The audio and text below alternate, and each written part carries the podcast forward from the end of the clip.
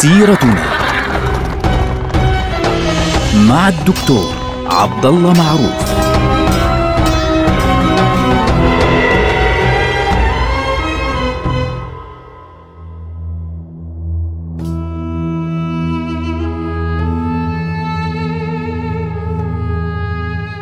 السلام عليكم ورحمة الله وبركاته. سيرتنا سيرة هذه الأمة ونحن الآن في عهد الدولة العثمانية وتحديدا في عهد السلطان محمد رشاد. تحدثنا في حلقة ماضية عن استغلال بريطانيا في فترة الحرب العالمية الأولى للمشاكل التي بدأت تظهر بسبب حكومة الاتحاديين مع العرب. في ذلك الوقت وبدأت المراسلات بين بريطانيا وبين شريف مكة. في ذلك الوقت اللي هو الشريف الحسين ابن علي. وهذه المراسلات التي ذكرت باسم مراسلات الحسين مكمهون استمرت فعليا في سلسلة من الخطابات كان آخر خطاب منها في شهر مارس شهر ثلاثة من عام 1916 هذا الخطاب الأخير كان فيه آه، تأكيد آه، بريطاني على موافقة آه، بريطانيا على كافة المطالب التي قدمها الشريف حسين بن علي والتي تقوم أساسا على فكرة إنشاء دولة عربية وخلافة تحديدا بهذا الاسم خلافة عربية إسلامية في منطقة عربية تمتد شمالا من مناطق مارسين وأضنة حتى الجنوب إلى منطقة اليمن باستثناء عدن ومن الشرق من بلاد فارس والخليج العربي حتى الغرب البحر الأبيض المتوسط والبحر الأحمر. هذه المنطقة كان يفترض أن تقوم فيها خلافة عربية إسلامية. هذه الفكرة الأساسية التي كانت عند الشريف الحسين بن علي.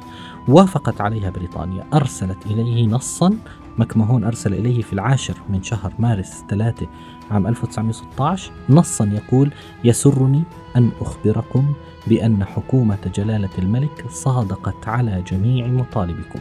هكذا كان يفترض فعليا. لكن الذي لم يكن العرب يعرفونه في ذلك الوقت ولا الأتراك ولا غيرهم كان أن بريطانيا في نفس تلك المرحلة. لاحظوا هذا الكلام في 10 3 1916 في هذا الوقت كانت بريطانيا تتفاوض مع فرنسا. فعليا مع مصادقة طبعا من الإمبراطورية الروسية في ذلك الوقت وإيطاليا أيضا على اقتسام منطقة الهلال الخصيب كلها بين فرنسا وبريطانيا. في نفس الوقت الذي كانت بريطانيا ترسل إلى الشريف الحسين وتقول له نحن نعترف بخلافة عربية إسلامية بديلة عن الدولة العثمانية وبديلة عن الخلافة العثمانية باعتبار أنه سيكون خليفة ويدعو طبعا المسلمين إلى آه، أن يصبحوا جزءا من هذه الدولة دولة الخلافة الجديدة. في نفس الوقت الذي كانت بريطانيا ترسل له ذلك كانت بريطانيا تتفاوض مع فرنسا على كيفية تقسيم منطقة الهلال الخصيب التي آه، تشمل اليوم ما نسميها اليوم الأردن فلسطين سوريا لبنان العراق وجزء أيضا من تركيا.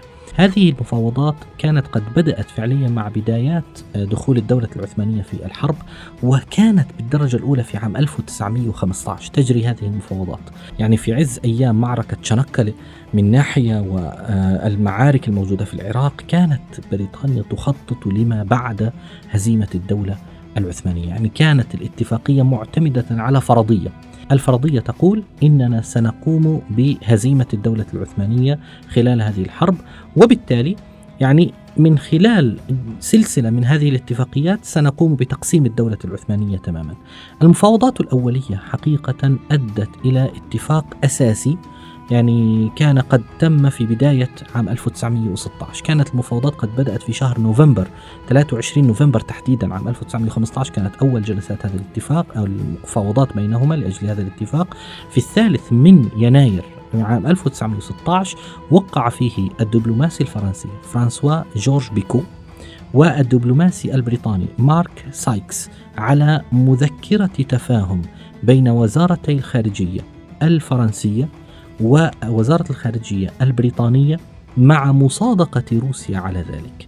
وصادقت الحكومة فعليا على هذا الموضوع حكومة فرنسا وحكومة إنجلترا إضافة لاحقا إلى روسيا في السادس عشر من شهر مايو اللي هو شهر خمسة من عام 1916 يعني بعد شهرين وستة أيام فقط من آخر رسالة بين السير مكمهون والشريف الحسين بن علي. فبالتالي كانت بريطانيا تفاوض الشريف الحسين ابن علي من ناحية وتفاوض من؟ تفاوض فرنسا من ناحية أخرى. وهذا الكلام كان منتهى الخداع حقيقة. طبعا لاحظوا آه واضح تماما أن البريطانيين كان عندهم ازدواجية كبيرة جدا في المعايير في هذا الموضوع، يعني في أثناء المفاوضات بينهما قلنا إن المفاوضات بين الفرنسيين والإنجليز آه بدأت في شهر نوفمبر. من عام 1915 في الرابع من كانون أول اللي هو شهر 12 عام 1915 أرسل خطاب فعليا من مكمهون الذي كان يراسل الشريف الحسين بن علي إلى آه، شخص اسمه هاردنج وهو يعني شخص لا نعرفه بالضبط حقيقة. يقول فيه مكمهون يقول أنا لا آخذ فكرة قيام دولة عربية مستقلة قوية في المستقبل القريب أو البعيد على محمل الجد. لأن ظروف منطقة الجزيرة العربية لا تسمح ولن تسمح لفترة طويلة جدا للعرب بهذا الشيء يقصد قيام دولة عربية يعني متحدة. لا يمكنني أن أتخيل ولو للحظة واحدة أن هذه المفاوضات يقصد بينه وبين الشريف حسين ابن علي ستذهب بعيدا في تكوين الشكل المستقبلي لمنطقة اريبيا اللي هي منطقة شبه الجزيرة العربية أو حتى أن تقر حقوقنا الخاصة أو تضع أيادينا على هذه الدولة. إن هذا الوضع أكثر ضبابية بكثير مما تتخيل يعني هكذا يتكلم ويقول ما يمكننا فعله حاليا هو أن نحاول اجتذاب العرب نحو الطريق الصحيح وفصلهم عن العدو يقصد العثمانيين وجلبهم إلى جانبنا باتجاهنا في وقت الحرب. تخيلوا هذا الكلام هو الذي كان يحكم بريطانيا في ذلك الوقت. هذه هي الطريقة التي كانت بريطانيا تتعامل بها فعليا مع العرب في هذه الفترة. فلذلك الاتفاقية قسمت الولايات العربية العثمانية في ذلك الوقت خارج شبه الجزيرة العربية يعني العراق والشام قسمتها فعليا إلى مناطق تسيطر عليها بريطانيا وفرنسا بشكل مباشر أو مناطق يعني تشرف عليها أو تحت نفوذ بريطانيا يعني سلطة عربية لكن تحت النفوذ البريطاني. فخصصت هذه حسب هذه الاتفاقية خصصت لبريطانيا منطقة آه، جنوب فلسطين مع منطقة الأردن كاملة ومنطقة جنوب العراق كله.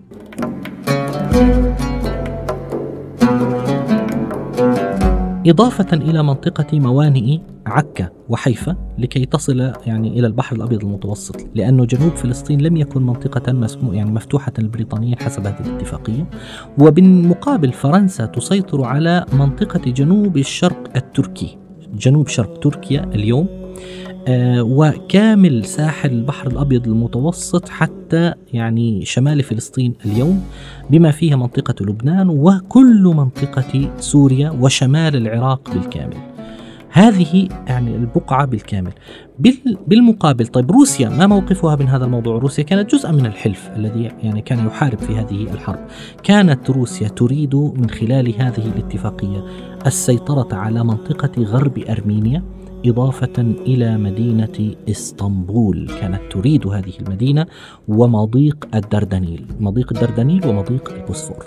هذه كانت موعودة بها يعني آه، روسيا آه، سابقا. وهذا الكلام ذكرناه في حلقة ماضية عندما تكلمنا عن معركة تشنقلة أن البريطانيين كانوا يعدون الروس أنه سنعطيكم إسطنبول هدية والمضائق هدايا.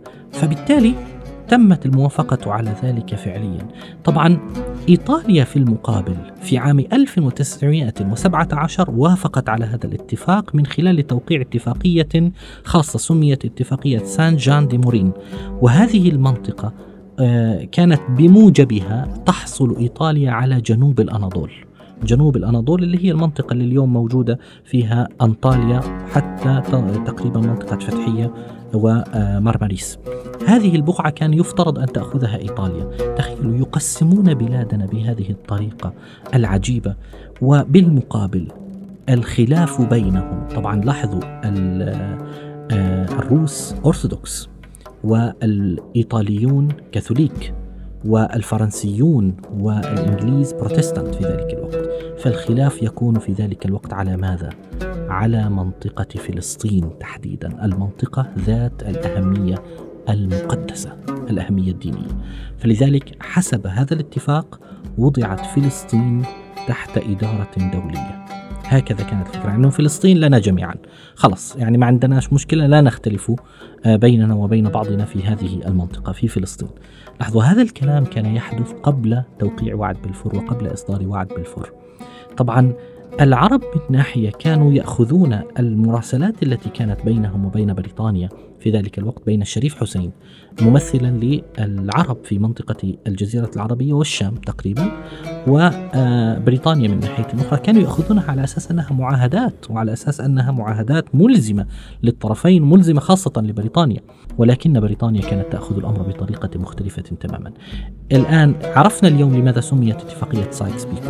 مارك سايكس من ناحية بريطانيا وفرانسوا جورج بيكو من ناحية فرنسا هما اللذان صاغا الوثيقة. في النهاية توقيع الوثيقة كان على يدي آه، وزراء الخارجية في ذلك الوقت اللي هو إدوارد جراي ومن ناحية بريطانيا وبول كامبون من ناحية فرنسا وتم تحديد مجالات النفوذ والسيطرة الكاملة فعليا على هذه البقاع بموجب هذه الاتفاقية بين هذه الأطراف.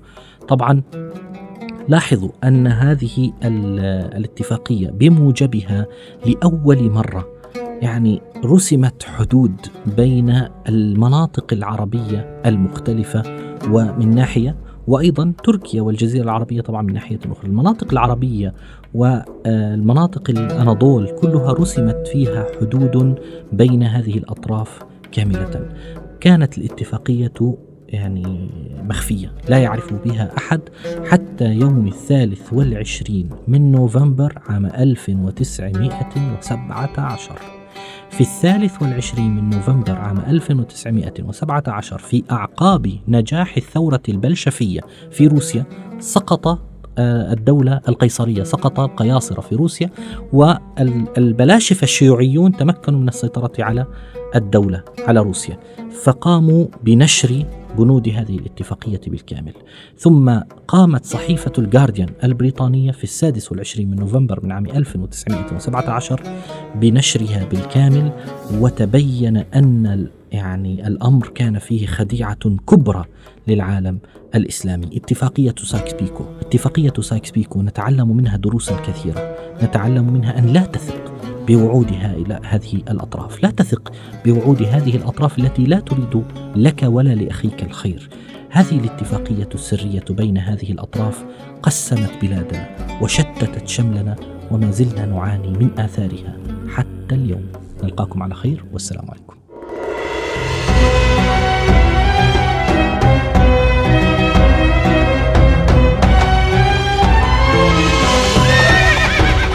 سيرتنا مع الدكتور عبد الله معروف.